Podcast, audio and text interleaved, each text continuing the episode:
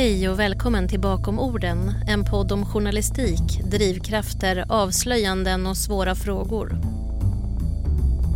Jag heter Linnea Wannefors och i varje avsnitt träffar jag journalister, både kända och mindre kända, från olika delar av landet. De som står bakom orden vi hör, ser eller läser varje dag. I det här avsnittet har jag intervjuat journalisten och författaren Thomas Pettersson som frilansat under större delen av sin karriär och som idag bland annat arbetar som redaktör för tidningen Kommunal Ekonomi. Här pratar vi om hur kompetensen, men också kraven i branschen ökat samtidigt som medieskepsisen breder ut sig, både i samhället och bland vänner och bekanta. Vi pratar också en hel del om hur han ägnade 12 år åt att gräva i utredningen av Palmemordet och hur det arbetet nu blivit både bok och Netflix-serie och också ledde till att han själv kallades in på förhör av Palmegruppen. Här kommer min intervju med Thomas Pettersson. Innan vi gör den här inspelningen har du precis avslutat en period av tidningsproduktion. Hur har det gått? Det har gått bra. Ehm, jag gör ju en tidning som heter Kommunal ekonomi. Jag har gjort den i snart 20 år. Och alltså det passar så bra med min bakgrund. Jag tycker det är jätteroligt. Eh, liksom folk fnissar lite när de hör det där kommunalekonomi, för det låter tråkigt. Då säger jag alltid så här, titta i din plånbok och se vart du lägger 30 spänn utav varje hundring ungefär så kan du, kan du fortsätta att tycka att, kan du inte fortsätta att tycka att det är tråkigt liksom.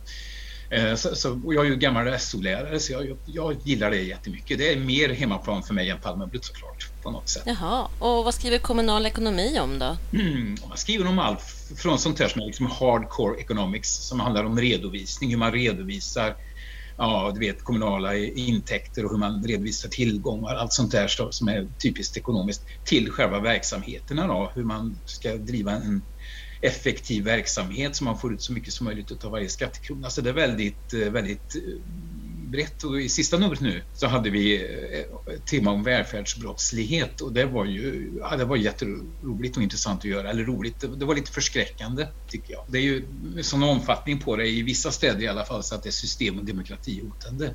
Och jag tänker ibland då, då, då tänker jag i min värld och jämför med Palmemordet och, och liksom hur hotande det var för demokratin att det här är mycket värre. Det här har redan förorsakat att vi får ändra på lagar, förhållningssätt och går in i organisationen på ett helt annat sätt. Så att det, det, är, det är mer dramatiskt för demokratin än vad Palmemordet var tycker jag. Men gör ni mycket gräv? För jag tänker att er målgrupp är väl kommunalanställda inom just ekonomiområdet ja, och ni får säkert en hel del tips och befinner er i området och begär ut handlingar och så som ni granskar. Det gör vi väl inte så mycket i och med att en, en föreningsägd tidning så, så jobbar jag ju på uppdraget av det de tycker är viktigast där. Vi har inte gjort så mycket gräv. Det kräver, ja du vet ju hur mycket tid det kräver och hur mycket resurser det kräver. Så vi har gjort eh, en del smågrejer har vi gjort genom åren men att vi har inte riktigt resurserna att göra stora inte. Jag förstår. Men du, Thomas Pettersson, kan du berätta eller beskriva lite kort vem du är? Mm. Eh, nej men jag är ju uppväxt i Värmland och eh, i en litet skogshuggarsamhälle. Småbönder och skogshuggare. Pappa jobbar i skogen Mamma jobbade knappt alls då, så gjorde man inte på den tiden. Jag är född 57 och gick ut en teknisk linje på gymnasiet faktiskt. Jag började mitt yrkesliv som, som på Televerket som televerksjobbare. Drog telefonlinjer genom skogen och skarvade kabel och såg till att folk fick telefon och sånt där. Och jag hade ingen aning om liksom, vad universitet och högskola var. Det fanns liksom ingen studietradition i, i liksom familjen och inget som uppmuntrade det riktigt. Så jag jag hade en dröm om att bli inspelningstekniker på Sveriges Radio för det hade jag en kusin som var. Jag tyckte det var rätt så spännande. Men så blev det inte. Utan jag började jobba på Televerket och kom väl underfund med ganska snabbt ändå genom ett ganska tidigt politiskt intresse att ja, jag borde nog göra något annat. Så jag, jag jobbade några år på Televerket. Sen läste jag in åtta ämnen på komvux och började på en lärarutbildning i Karlstad och Göteborg. Och i samband med det jag flyttade ner till Göteborg. Så att eh, 88 var jag färdig ämneslärare. och eh, började jobba som det förstås här i Göteborg på Göteborgs högre samskola. En jättebra skola med roliga elever. Jag hade Håkan Hellström som elev. Eh, Henrik Berggren i Broder Daniel, Timo Räisänen, alla de här, popsnörena liksom, som blev poppisen. Och, och, det, var ju, det, var, ja, det var en jättebra skola att jobba på. Men under tiden där så hade jag börjat skriva lite Eh, Eh, det var egentligen en C-uppsats i historia som blev en bok om arbetarrörelsen i, i Värmland som jag skrev på uppdrag av SAP-distriktet Socialdemokraterna i Värmland. Och då, då, upptäckte jag i det där skrivandet att jag trivdes med den här friheten som fanns där. Så um, efter några år som lärare så började jag fundera på journalistiken faktiskt. För jag förstod att där kunde det finnas liksom ett, ett utrymme för mig, lite större frihet. Men alltså, hur kom den här tanken till dig då? Vad var det som liksom blev, blev den första droppen som spred de här ringarna på vattnet? Det var nog känslan av frihet att få sitta och skriva, gå i arkiv, eh, leva ett lite friare liv än vad man gjorde som lärare på, på skolan. Så jag var, jag var ledig också. Jag skrev en bok om friidrott tillsammans med göteborgare 95. Och den blev nog droppen får jag säga. För då, ja, det, det var så pass lustfyllt och så mycket frihet i det där tyckte jag.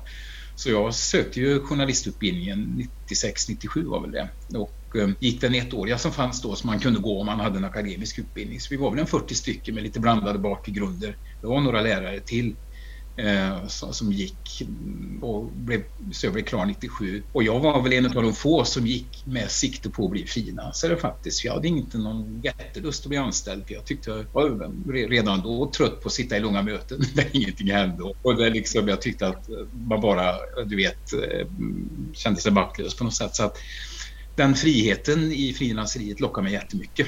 Och du gick ju JMG, Journalisthögskolan i Göteborg. Ja, Hur var ja. du som student? Ja, jo, men jag tyckte vi var... Det var ett väldigt effektivt år det där tyckte jag. Jag tyckte... Ja, jag var nog en bra student. För jag var ju, all, alla vi var nog rätt bra studenter för vi var så motiverade att komma ut snabbt och komma igång och jobba, vilket ju då, 97, de flesta av oss gjorde var liksom, det svarade undan väldigt mycket på både ja, journalistik och informationssidan. Så, så det, det, var tacksamt att gå och väldigt motiverande. Så jag tror nog att vi var rätt duktiga studenter allihop faktiskt. Och vad för typ av journalist kände du att du ville bli där och då? Ja, jag ville ju gärna jobba med, med sånt som var samhällsinriktat förstås. Jag, jag hade ju min SO, jag läste ju historia, religion och samhällskunskap. Det var ju mina ämnen. Eh, så att jag ville ju gärna liksom jobba med sånt som var samhällsinriktat. Sen visste jag ju också, för vi hade ju en frilanskurs på utbildningen, att, att det var inte bara att gå ut och välja, i alla fall i början, utan det gällde ju först och främst att överleva som, som frilansare. Så att eh, jag hade ju några år när jag liksom fick ta det som kom ungefär. Ehm, men så blev jag erbjuden ett, ett redaktörsjobb i Stockholm på eh, något som heter Pressens jag har redan glömt vad de hette, men de var ägda av tyska Bertelsmann. Så jag var redaktör för en tidning som heter Svensk Handelstidning Justitia som kom varje vecka. Eh, och, vilket ju var liksom då ett jättesteg. Jag var ju hur nervös som helst i början såklart för att gå in på ett redaktörsjobb för en veckotidning. Men, och dessutom på distans, för jag satt kvar i Göteborg här och hade ett eget kontor medan eh, resten av redaktionen satt i Stockholm. Så, men det var ju en väldigt bra skola förstås och jag lärde mig fantastiskt mycket på det där. Men det här med frilansandet, för det har du mer eller mindre gjort i alla år du har varit journalist vad jag förstår. Hur har det arbetssättet förändrats genom åren eller har det ens det? Ja, men det har det ju. Det har ju ändrats mycket förutsättningarna. Det, det var ju var ju lättare då, eh, 97. Marknaden var större, det var lättare att sälja in grejer. Man, man fick ju liksom bli duktig på att sälja in artikeluppslag i början. Det var ju så man överlevde liksom. Det tror jag är svårare idag. Det är väl mindre folk på redaktionerna, det är mindre efterfrågan. Eh, så har jag förstått det i alla fall att det ser ut. Ehm, sen hade jag ju tur som fick ett eh, redaktörsuppdrag på uppdragsbasis 2002 som jag har kunnat behållit. Och det här är ju faktiskt eh, det uppdraget har ju varit liksom den ekonomiska basen för mig, den här kommunal ekonomi. Och det gjorde ju också att jag sen kunde ge mig på att jobba med, med Palmegrejerna. Hade jag varit anställd hade jag inte kunnat jobba med, med Palmeresearchen på samma sätt. Det hade aldrig gått. Då kunde man ju liksom jobba med det när det var lite låg säsong emellan produktionerna så kunde man göra någon vända till Stockholm och så där. Så att utan eh, en, en hyggligt fast frilansbas hade jag aldrig kunnat gjort det här Palmegrävet.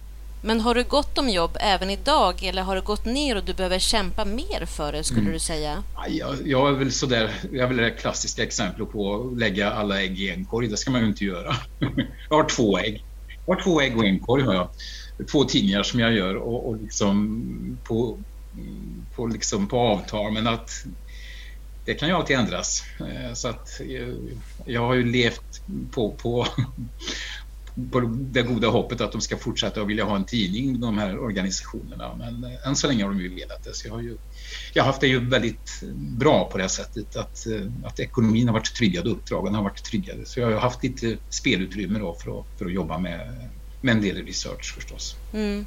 Men om man tittar på din journalistik, alltså vad drivs den av? Vad är din drivkraft? Jag har ju ett, jag, jag har ju ett brett samhällsintresse. Jag, jag, det konstiga är ju att, att oavsett nästan vad, vad jag har jobbat med så har jag tyckt att det har blivit intressant. Oavsett.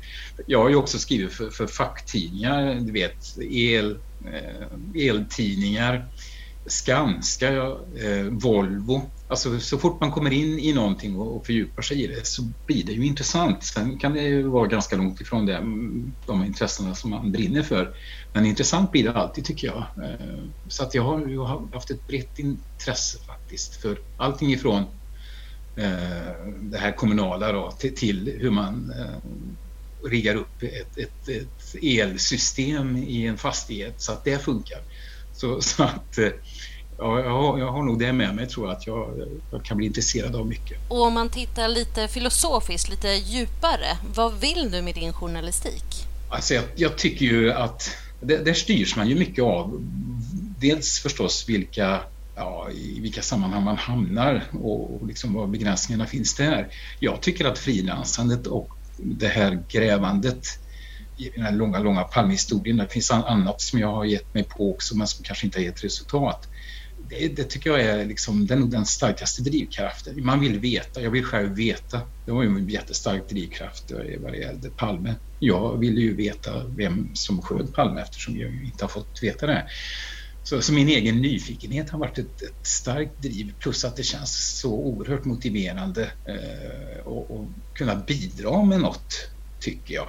Och det känner jag även med den här kommunalekonomin, att man bidrar till det demokratiska samhället. Om man nu tycker att man vill vara lite högtidlig och höja sin egen betydelse så är det ju ändå det man gör. Eh, jag tycker kanske också den kommunala demokratin är nästan det finaste vi har för den är så nära oss.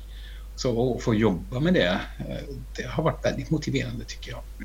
Men hur gör du då för att hålla fast vid den drivkraften, eller passionen kanske man ska kalla det, i vardagen? Alltså en gråmulen dag i oktober eller november. Hur håller du fast vid det här drivet? Bara titta i plånboken, här på så här. Vad romantiskt. ja. Jag har inte behövt tänkt så mycket på det faktiskt. För jag tycker det har varit... Eh, det driver en ändå framåt. Jag menar, det är så nära man har redaktionsråd man har de här mötena när man planerar vad ska vi ha med i nästa tidning. Sen har man en ganska kort produktionsperiod tills det här ska materialiseras till något och sen är man på något nytt. Det ligger i själva eh, processen också väldigt mycket tycker jag. Den är motiverande i sig. Det var jätteroligt att få se eh, som redaktör eh, sin tidning, få den i handen. Jag tycker fortfarande, jag gillar papperstidningen eller för den delen på skärmen och så säger jag, ja men det blev ju riktigt bra det här. Och, och, här är det något nytt. Det här tillför ny kunskap på det här området. Det här vet de inte om. Det här vet inte de här ekonomerna om. Det här kommer att vara nytt för dem.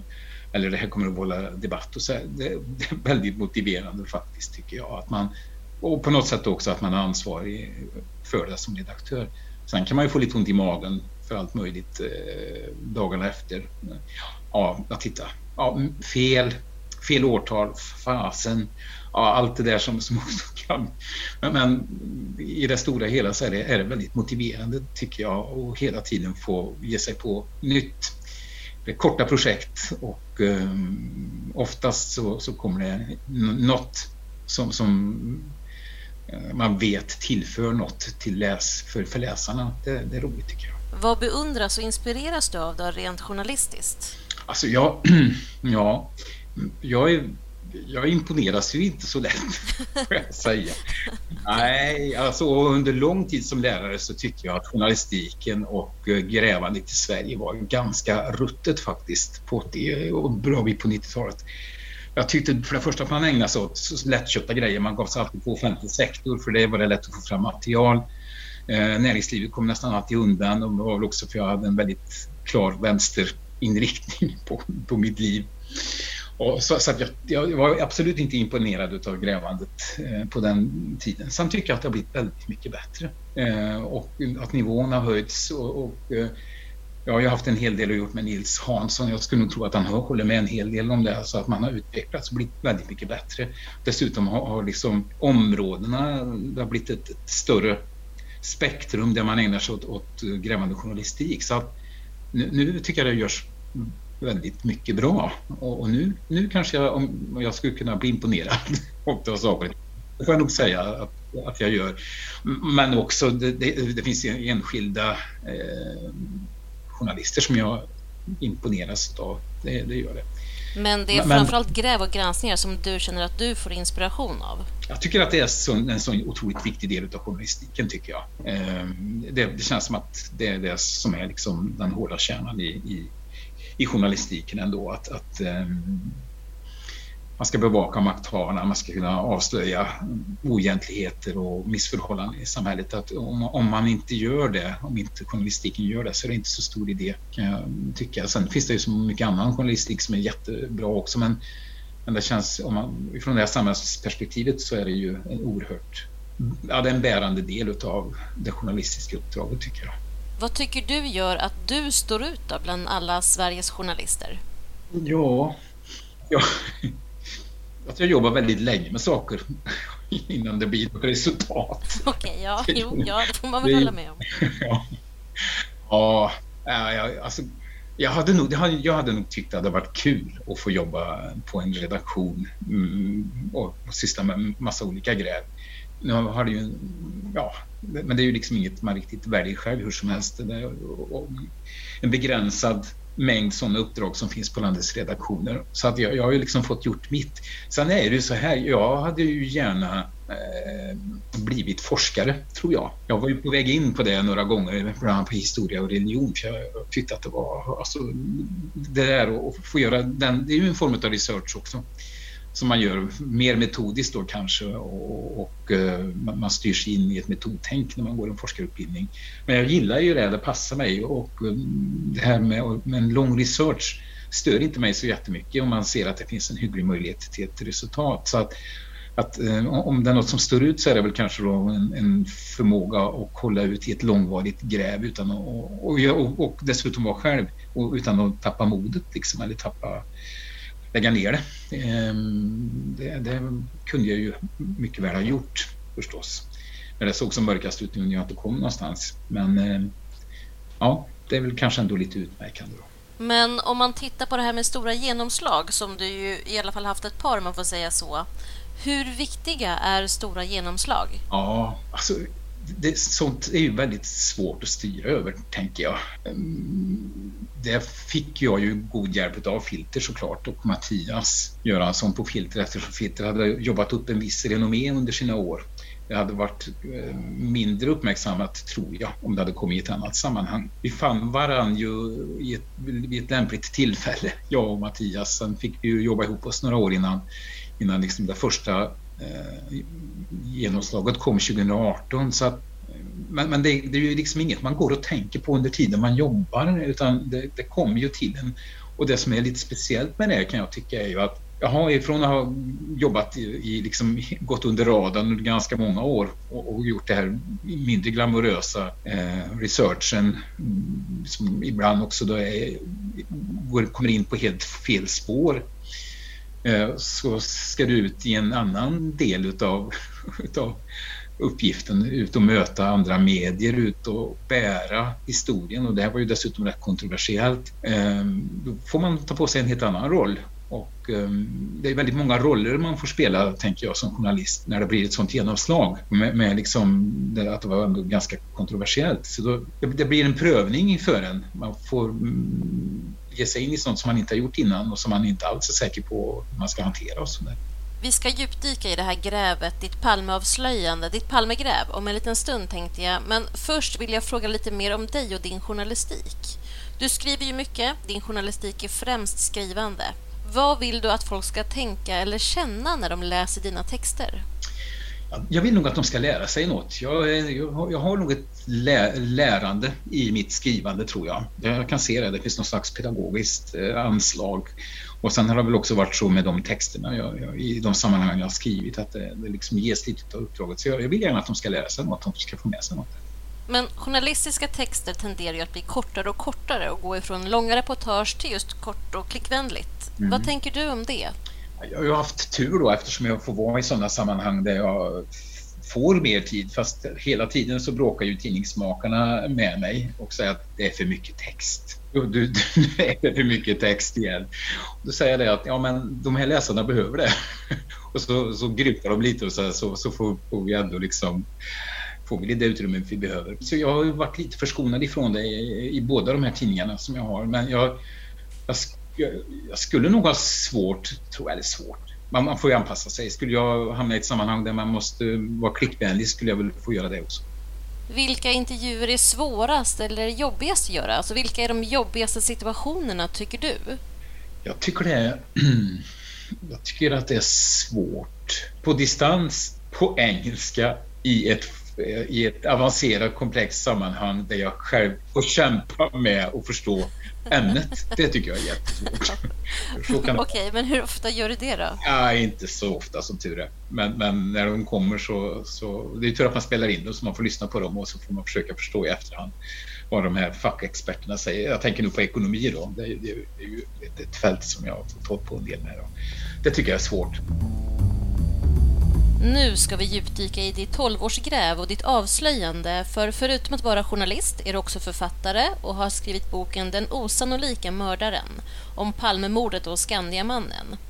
Och först kom du ut som reportage i magasinet Filter och nu nyligen som bok i en ny upplaga med åtta nya kapitel. Och det här har du fått en Guldspade för 2019. Berätta, hur var det? Ett pris utdelat av, av kollegor. Det blir liksom inte finare i min värld. Så jag, det, det är väl det roligaste minnet av det här grävandet och så är det nog Guldspaden faktiskt. Och, och eh, ja, det var ju en väldigt lång väg fram. Eh, jag hade, jag hade ju tur. Jag har haft Nils Hansson på Uppdrag granskning, eh, chef ansvarig utgivare och nestor inom liksom den grävande journalistiken Eh, och haft honom som ett bollplank. Han, det var så enkelt så han satt faktiskt uppsatt som mentor på Föreningen Grävande Journalisters hemsida. Så jag tog kontakt med honom och frågade om han ville vara mentor. Då var han så bussig så han, eh, han tog mig under sina vingar där och vi eh, sågs då och då under eh, den här processens gång. Så att jag, jag har haft ett väldigt bra bollplank i Nils förstås med hans erfarenhet. Och det första, bland det första han sa var att det här kommer att ta tid. Och det här är svårt. Jag tror att han sa att nu har du gett in på det svåraste vi kan göra. Och det var väl oerhört motiverande såklart. och han sa att det skulle ta lång tid, men jag kunde ju aldrig tro att det skulle ta så lång tid. Men han visste väl erfarenhetsmässigt hur svårarbetat det kan vara. Eh, så att, att han...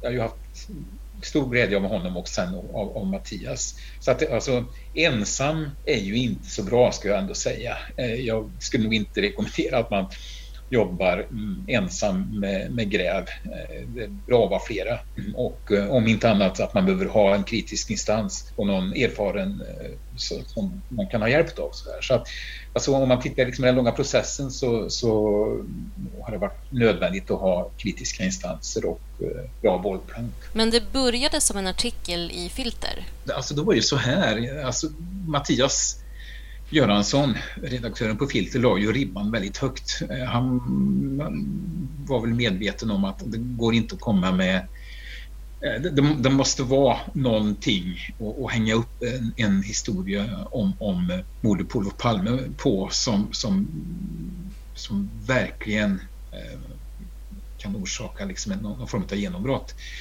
Så jag tyckte ju tidigt att historien i sig var tillräckligt intressant för att få publicera. Men, men Mattias eh, citerade en, en, känd advokat som han hade pratat med som hade sagt eh, ah, ni måste hitta vapnet va?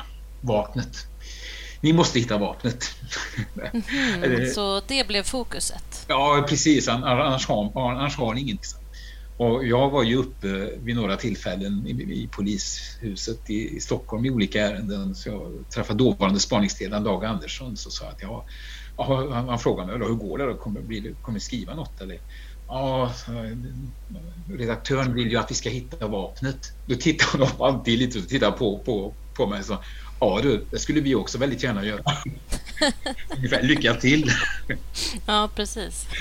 Men så då blev det ju så lustigt eller knäppt att ju faktiskt täcka upp en, en vapensamlare där det fanns relevanta vapen. Och då förändras ju hela situationen. Det var ju eh, sommaren 2017 när jag fick ett tips av en av eh, vännerna i kretsen runt Skandiamannen. Så 2017, sommaren 2017 var ju väldigt avgörande för dels så fick jag ju tillgång till ett material som visade hur felaktigt och dåligt man hade hanterat Engström när man avförde honom ifrån utredningen och sen kom det här tipset om vapensamlaren och att det också då fanns relevanta vapen. Ifrån då att jag året innan hade tappat glasögonspåret och var, ganska missmodig så, så vände det, eh, eller det var nog kanske till och med tidigare, var nog något år tidigare till och med, så vände det ju, eh, hela situationen vände 2017. Eh, och då blev det ju väldigt motiverande att fortsätta gräva eh, och försöka spurta med det där.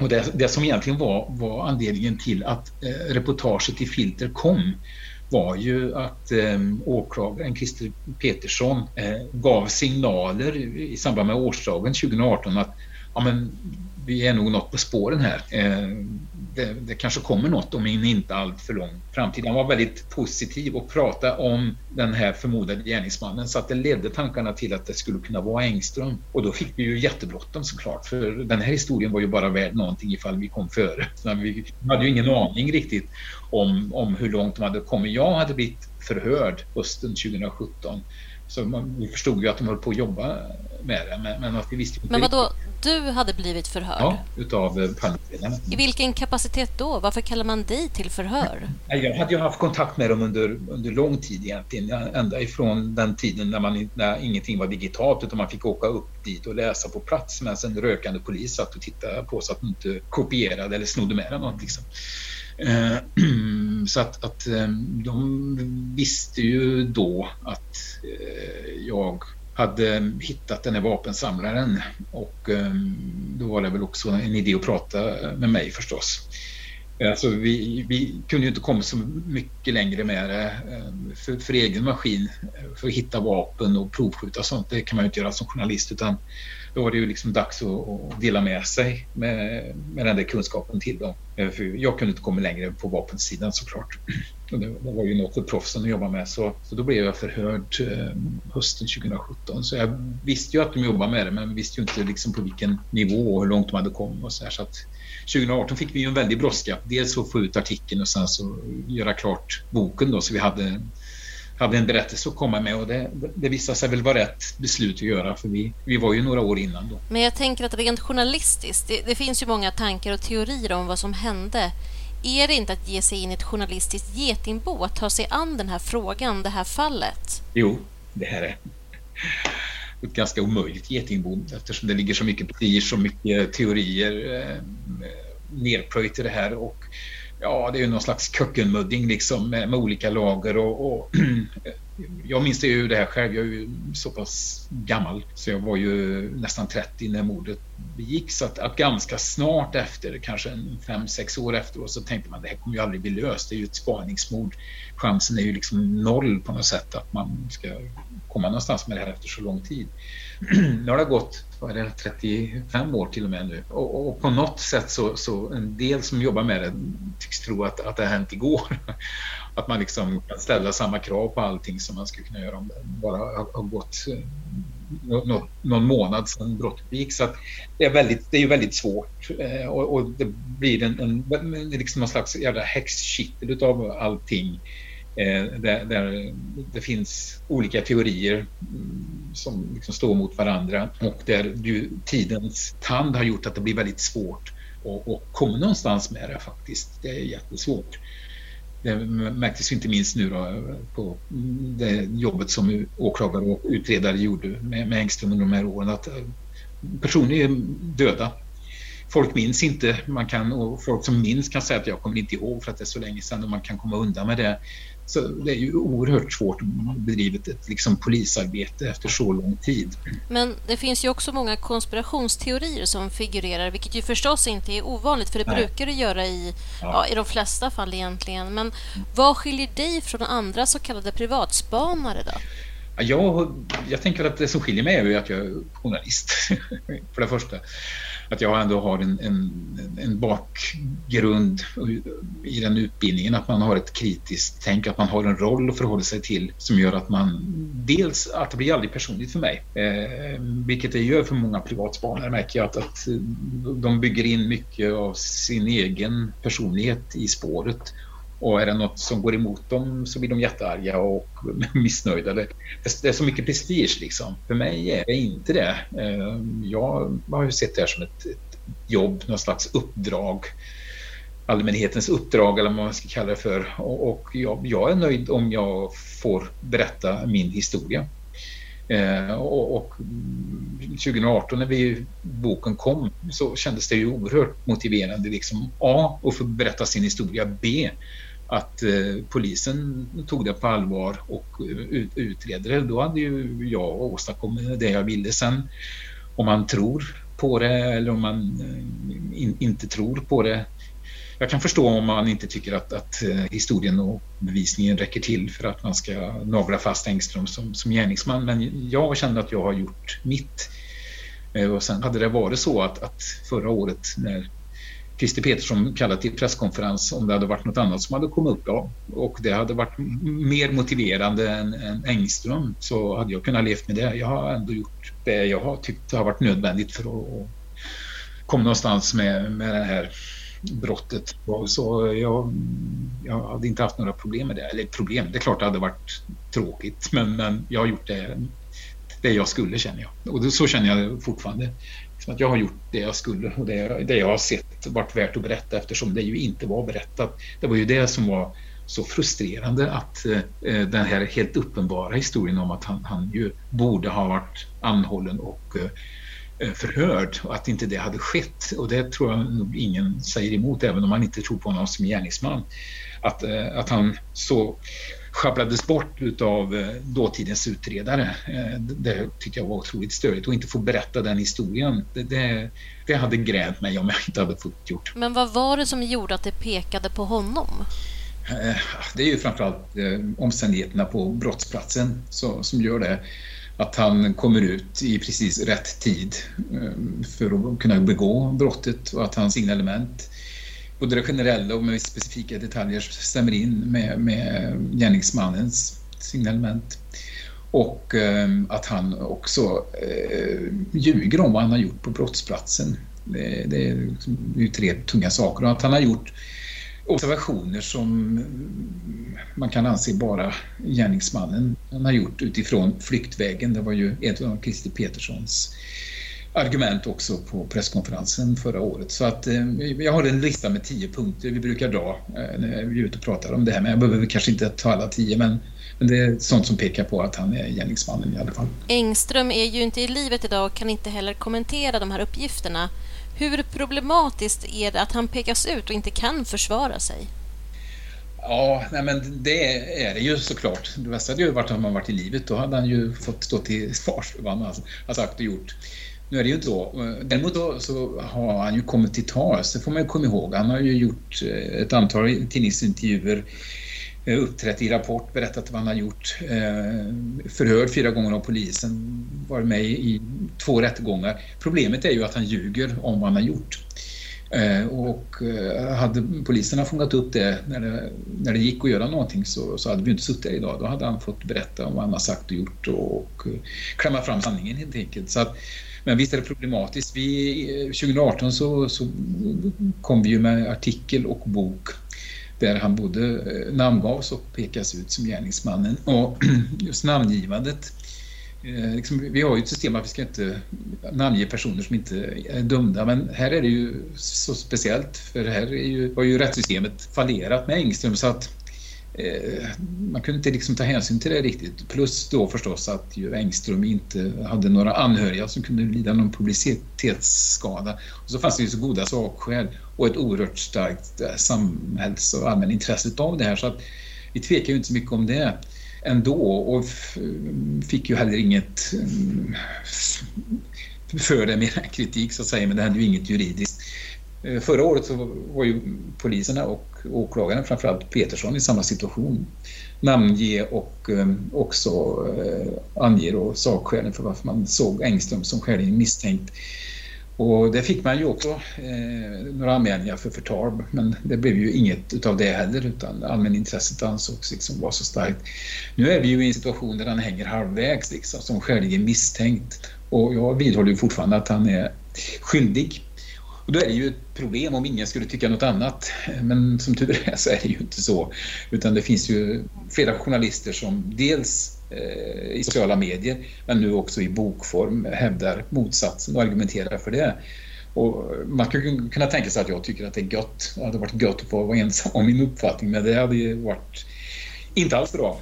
Eh, förfärligt dåligt. Så det är bara bra att eh, det kommer åsikter som hävdar motsatsen. Då får man den här argumenteringen för och emot i skuldfrågan som, som ju behövs. Så jag tycker, ju, jag tycker att det är bra. Och det ger ju mig också anledning att liksom slipa på, på argumenten. Samtidigt ska man komma ihåg att det är rättssystemet som äger Engström, det är inte jag. Det är inte mig man ska övertyga att han är oskyldig utan det är i så fall rättssystemet och, och åklagarmyndigheten. Det är där det ligger. Jag är journalist men det är inte jag som äger honom. Det finns en del kritik om den här granskningen med bland annat påståenden om att du ska ha haft egen vinning och försökt påverka utredaren Christer Petersson för att öka försäljningen av din bok. Vad säger du om det? Ja, jag, jag, jag, jag, har inte nått av den så mycket får jag säga. Eh, men, men eh, alltså, dels att jag skulle ha kunnat påverka Christer Petersson, det tycker jag faller inte på sin... Ja, hur skulle jag kunna gjort det? Eh, han är liksom inte mannen som låter sig påverkas riktigt. Jag har svårt att se det där. Jag har också svårt att jag skulle kunna liksom påverka försäljningssiffrorna för, för boken. Och, um, alltså det är ju ingen... Jag vet inte vad, vad, man föreställer sig att, att vi journalister tjänar på att sälja böcker. Det är ju inga stora pengar i Sverige, det är ett litet land. Så att, eh, att eh, det, är, det är inte någon, någon riktigt... Nej, jag har jättesvårt att, att se den kopplingen faktiskt. Under tiden när du granskade det här fallet, var du någonsin rädd eller orolig för din egen säkerhet? Ja, ja men det var jag ju. Eh, speciellt under en period när jag inte riktigt visste vad jag, vad jag jagade för någonting. Jag var ju halvvägs in i några grupper närmast paramilitära får man väl säga och jag var ju lite orolig för vad, vad det kunde föra med sig för något. Dessutom har det liksom funnits en, en tradition utav, om man har sett Palmemordet som, som utfört av en grupp och en konspiration så har det funnits en oro för eh, vad, vad det ska kunna leda till ifall man kommer upp på spåren och, och den eh, den kände jag ju också av förstås och jag kände mig också lite ensam. Eh, att jag inte hade någon att direkt prata med eller och, Ja, jag, jag, fick mm, hitta mina egna säkerhetslösningar. Vara försiktig när jag var ute på stan i vissa sammanhang. Hålla okända människor lite på distans om de närmar sig mig i sammanhang som kanske inte var helt naturliga. Så, här. så att, eh, ja, det, det fanns säkerhetsfrågor som jag kanske önskat jag hade kunnat diskutera med, med någon på förbundet eller eh, ja, jo, Borde till exempel Journalistförbundet, som ju samlar Sveriges frilansande journalister, ta ett grepp om det här, tycker du? Ja, det tycker jag nog nästan. För att jag, jag tror ju att det kan bli mer frekvent i, i framtiden att frilansare jobbar med sånt så, som kräver att man måste tänka på sin egen säkerhet faktiskt. Så att eh, det, det vore in, jag tror att det vore bra. Förra året under en presskonferens presenterade ju åklagaren och utredaren Christer Petersson vad deras slutsatser var och utredningen lades därmed ner. Mm. Vad tyckte du om den presskonferensen? Ja, nej, alltså, jag, det var, det var ju svårt att greppa liksom formen på den. Han, han sa ju tidigt någonstans, Christer Petersson, att, att jag, eh, jag behöver inte eh, göra något offentligt, jag kan bara lägga ner förundersökningen. Men jag vet att det skulle bli ett ramaskri då. Så att, alltså själva formen för det och vad de egentligen gjorde, den var nog lite otydlig. Jag tror att man skulle kunna ha jobbat lite mer på hur det där kommunicerades. För även jag och även Mattias fick ju liksom försöka smälta det i efterhand att jaha, vad var det som hände här egentligen? Jo, de motiverade eh, sitt eh, ställningstagande och se Engström som skäligen misstänkt och då höll man sig egentligen bara till brottsplatsen eh, och ingenting liksom om, om förundersökning eller alltså, eh, förspelet och, och, vad som skulle kunna vara motiv och sånt där utan man höll sig väldigt strikt till, till brottsplatsen för att motivera att han var skäligen misstänkt för brottet. Och sen så fick man försöka orientera sig liksom i vad som hade hänt där.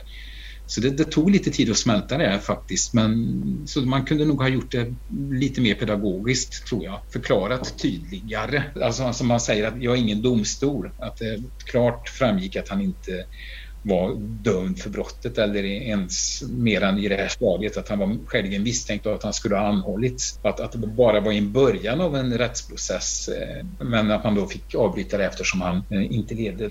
Man kunde ha varit tydligare med det tror jag för att det, det fick man ju också kritik sen ifrån JO att han man upplevde det som att han blivit utpekad. Men då vägde man också in sånt som, som Petersson hade sagt innan presskonferensen. Och vägde man in det och tillsammans med presskonferensen så blev det ju lite otydligt. Man kunde ha gjort det mer tydligt. Mm. Um, du har ju släppt en bok också, Den osannolika mördaren.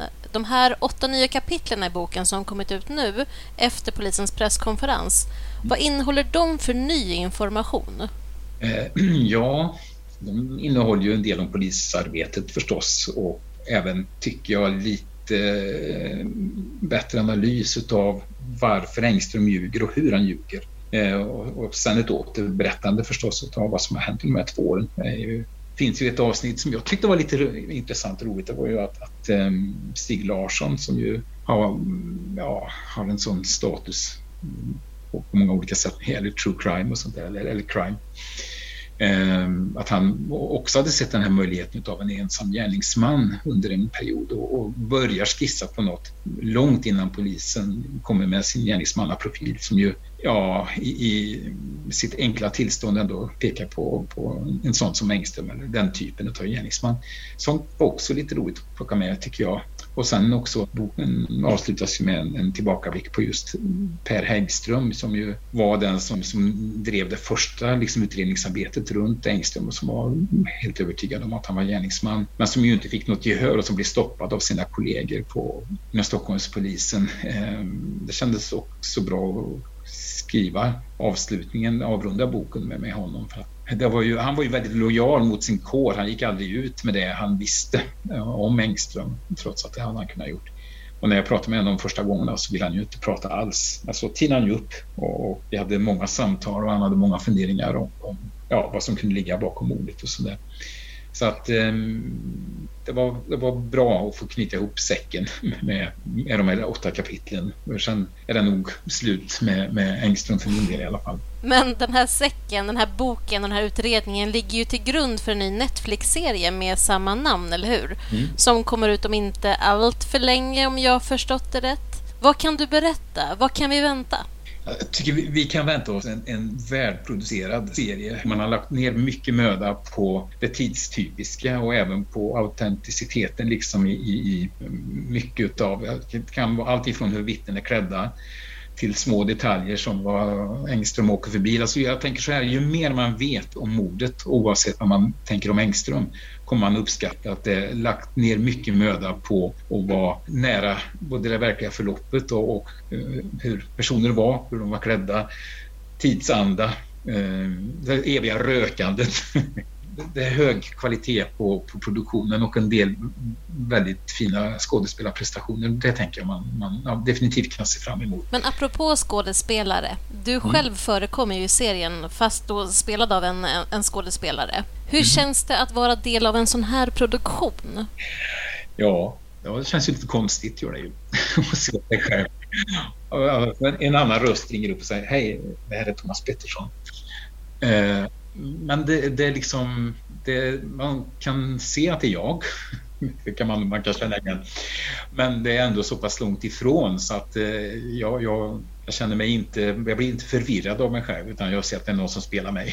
Det, det är i alla fall väldigt bra det är ju också som, som det blir i ett manus att man för att man ska liksom kunna åskådliggöra vissa saker så exempelvis ett telefonsamtal kanske är omgjort till ett personligt möte för att eh, det gör sig bättre i, i dramaturgin och berättandet.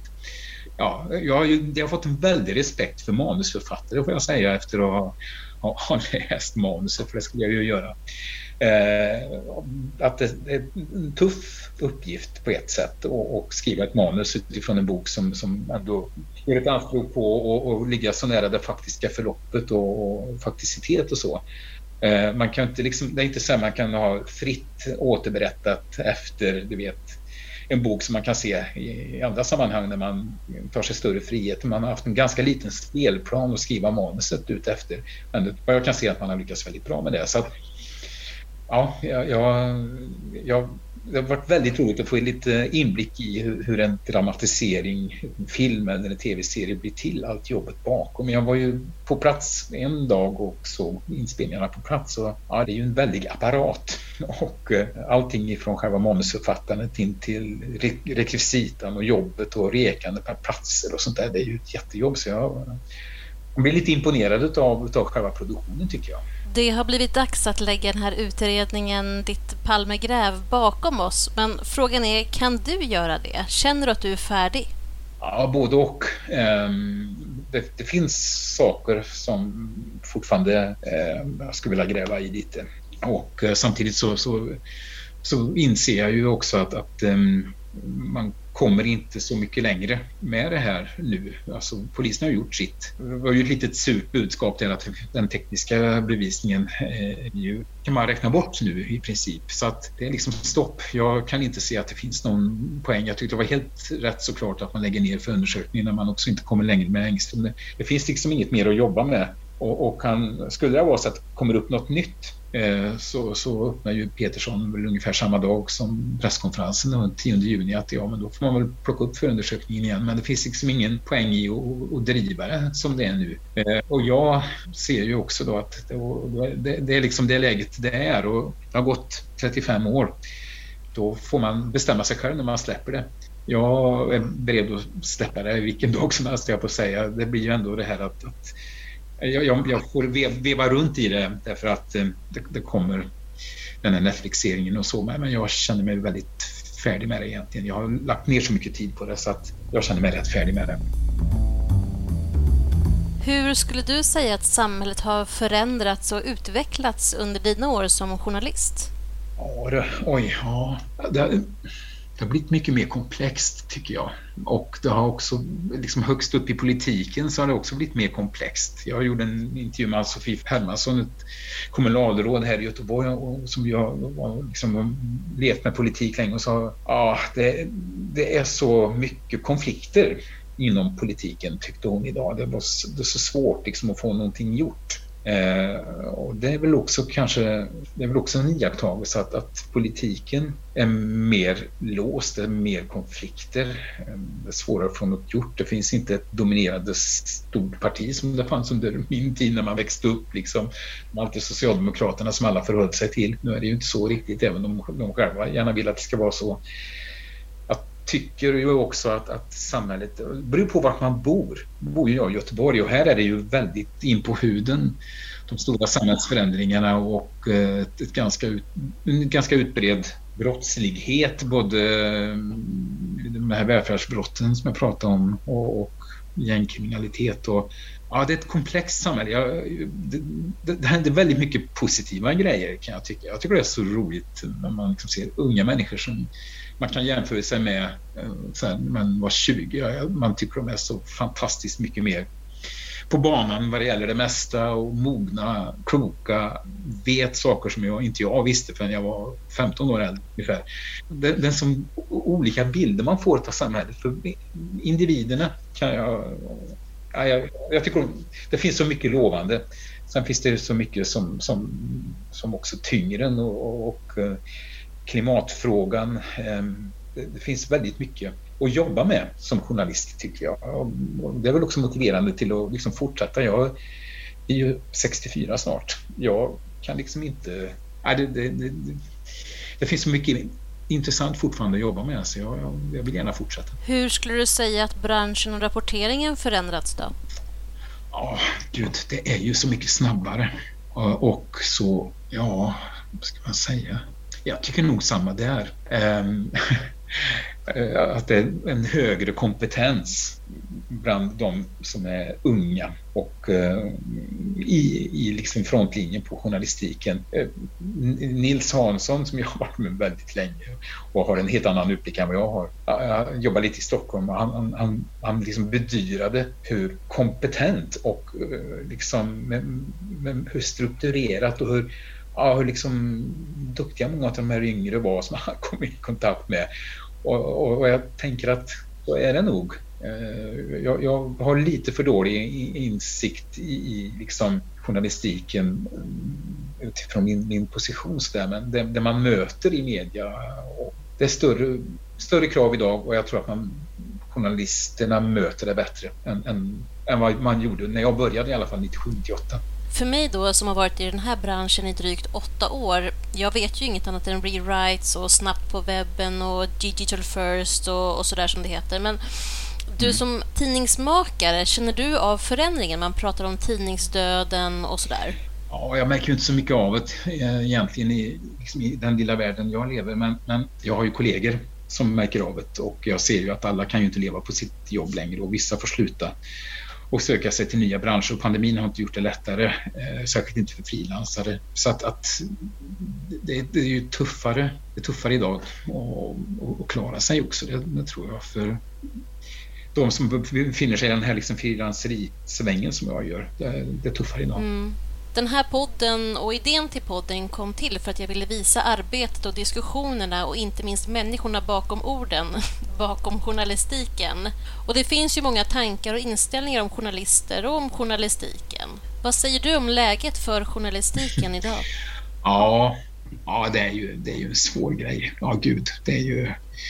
Man pratar om fake news och, och man är ju liksom... Det, det, jag har ju nära och kära, jag på säga, eller vänner och bekanta som ju är väldigt skeptiska till, till medierapportering och som numera inte tittar på SVT exempelvis. Därför att man anser att, att media undanhåller verkligheten. Och, och, och ja, jag tycker man, man, blir, man känner sig oerhört frustrerad över det. Alltså. För det känns också väldigt svårt att liksom återupprätta tilltron. Nu är det väl ändå ja, det är väl kanske en lite blandad bild ändå, men, men att media och medias trovärdighet är så ifrågasatt eh, så att, att det kan vara svårt att, att värja sig för att kritiken kommer och är svår att bemöta därför att den, den kommer i ibland i konspiratorisk form, ibland inlindat i, med, med andra avsikter, liksom att man är ute, ute efter oss. Man har en, man, det finns så många agendor det är helt uppenbart att det finns många agendor som jobbar mot oss. Men många menar ju också att journalistiken drivs av en agenda och inte är neutral. Hur är det med den saken skulle du säga? Ja, ja ibland har man ju kanske känt att, att det har varit man har tagit hänsyn som man kanske inte skulle ha gjort. Men nej, jag, jag har svårt att svara på det tycker jag. jag Ja, det, och det finns, så många, det finns så många olika medier och, och liksom, om, man, om man ska säga något generellt det är svårt tycker jag. Har svårt att säga det. Men kan du förstå att man tycker det i vissa fall? Ja, det kan jag. Fast lite tvekande? Ja, ja men alltså, jag har ju haft den diskussionen eh, med en del som står mig nära. Eh, och, och eh, då har jag inte alltid hittat de bästa argumenten för att de har fel. Så att, mm. Eh, det är intressant det där. Jag får själv... Ehm, jag behöver inte hålla några försvarstal eller så, men diskussionerna kommer upp också i min bekantskapskrets och, och bland mm. släkt och vänner. Och, och, jag tycker inte att det är dumt att den gör det. Men, men det blir lite tröttsamt också att hela tiden behöva försvara någonting man själv tror på så, så genuint, om du förstår vad jag menar. Ja, jo, men absolut. Och jag, jag, tycker också att ibland att det finns någon slags... Men, men om det är något som, som skrämmer mig lite så är det ju det här eh, att man har så, så lätt och på alldeles för, för lite kunskap se, se mönster liksom. Att ja, men media gör ju si och så därför att och de ägs utav och ja, du vet Eh, man ser ett konspiratoriskt mm, mönster ibland bakom vad media gör eller inte gör som det de borde göra.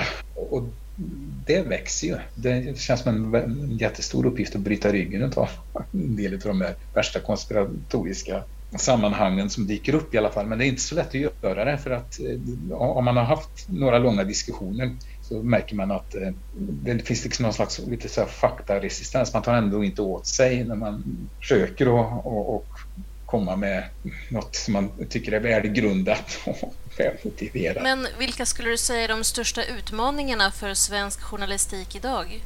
Ja, jag tror att ja, det gäller nog att hålla sig väldigt mitt i smeten på något sätt och, och, visa att man inte har distans till de här mm, tuffa frågorna också som handlar liksom om kriminalitet exempelvis och att man inte bara kommer ut på besök liksom och, och tar med sig något utan man man förstår problematiken och att man heller inte är rädd för sånt som kan vara lite jobbigt att ta upp också. För det har man väl kanske känt ibland att det är den, den som jag har fått försvara då, att varför säger man inte som det är? Varför, varför är man så försiktig och sådär? Ja, men nu, nu pratar vi här i Göteborg, är det ju så tydligt. Nu kan vi ju ändå prata om klaner här de har ju funnits väldigt länge men det har tagit lång tid innan det har varit okej okay att prata med och då finns det ju några som går i bräschen där liksom och, och eh, jag tänker att då, det, är nog, det är nog så man måste göra i alla fall. Att man, man måste vara och vara så förtrogen med allting så att man, man upplevs som trovärdig, att man inte jobbar och håller det på avstånd och inte kallar saker vid deras rätta namn och sånt där. Så att, ja, det är nog där det är nog det, tänker jag. Vad tycker du att journalister borde bli bättre på? Mm. Ja. Mm. ja, kanske sätta saker i sitt sammanhang i ett tidigare skede i processen kanske. Men ja, det var en jättesvår fråga faktiskt. Vad man behöver bli bättre på. Mm. Jag skulle nog egentligen, jag skulle nog vilja se mer delaktighet ändå. Att man levde, lever närmare de människor man berättar om. Jag, jag tycker ändå att vi, är, vi, vi kommer en, vi är väl ändå en hyggligt privilegierad grupp i samhället fortfarande. Att vi kanske är lite för långt ifrån de som har det tuffast. Kommer ut och vi gör våra nedslag. Och jag, jag har ju mina rötter där. Jag, jag är väl en typisk klassresenär. Att vi behöver vara, bli bättre på att förstå eh, drivkrafterna och hos de som har det tuffast. Det tror jag.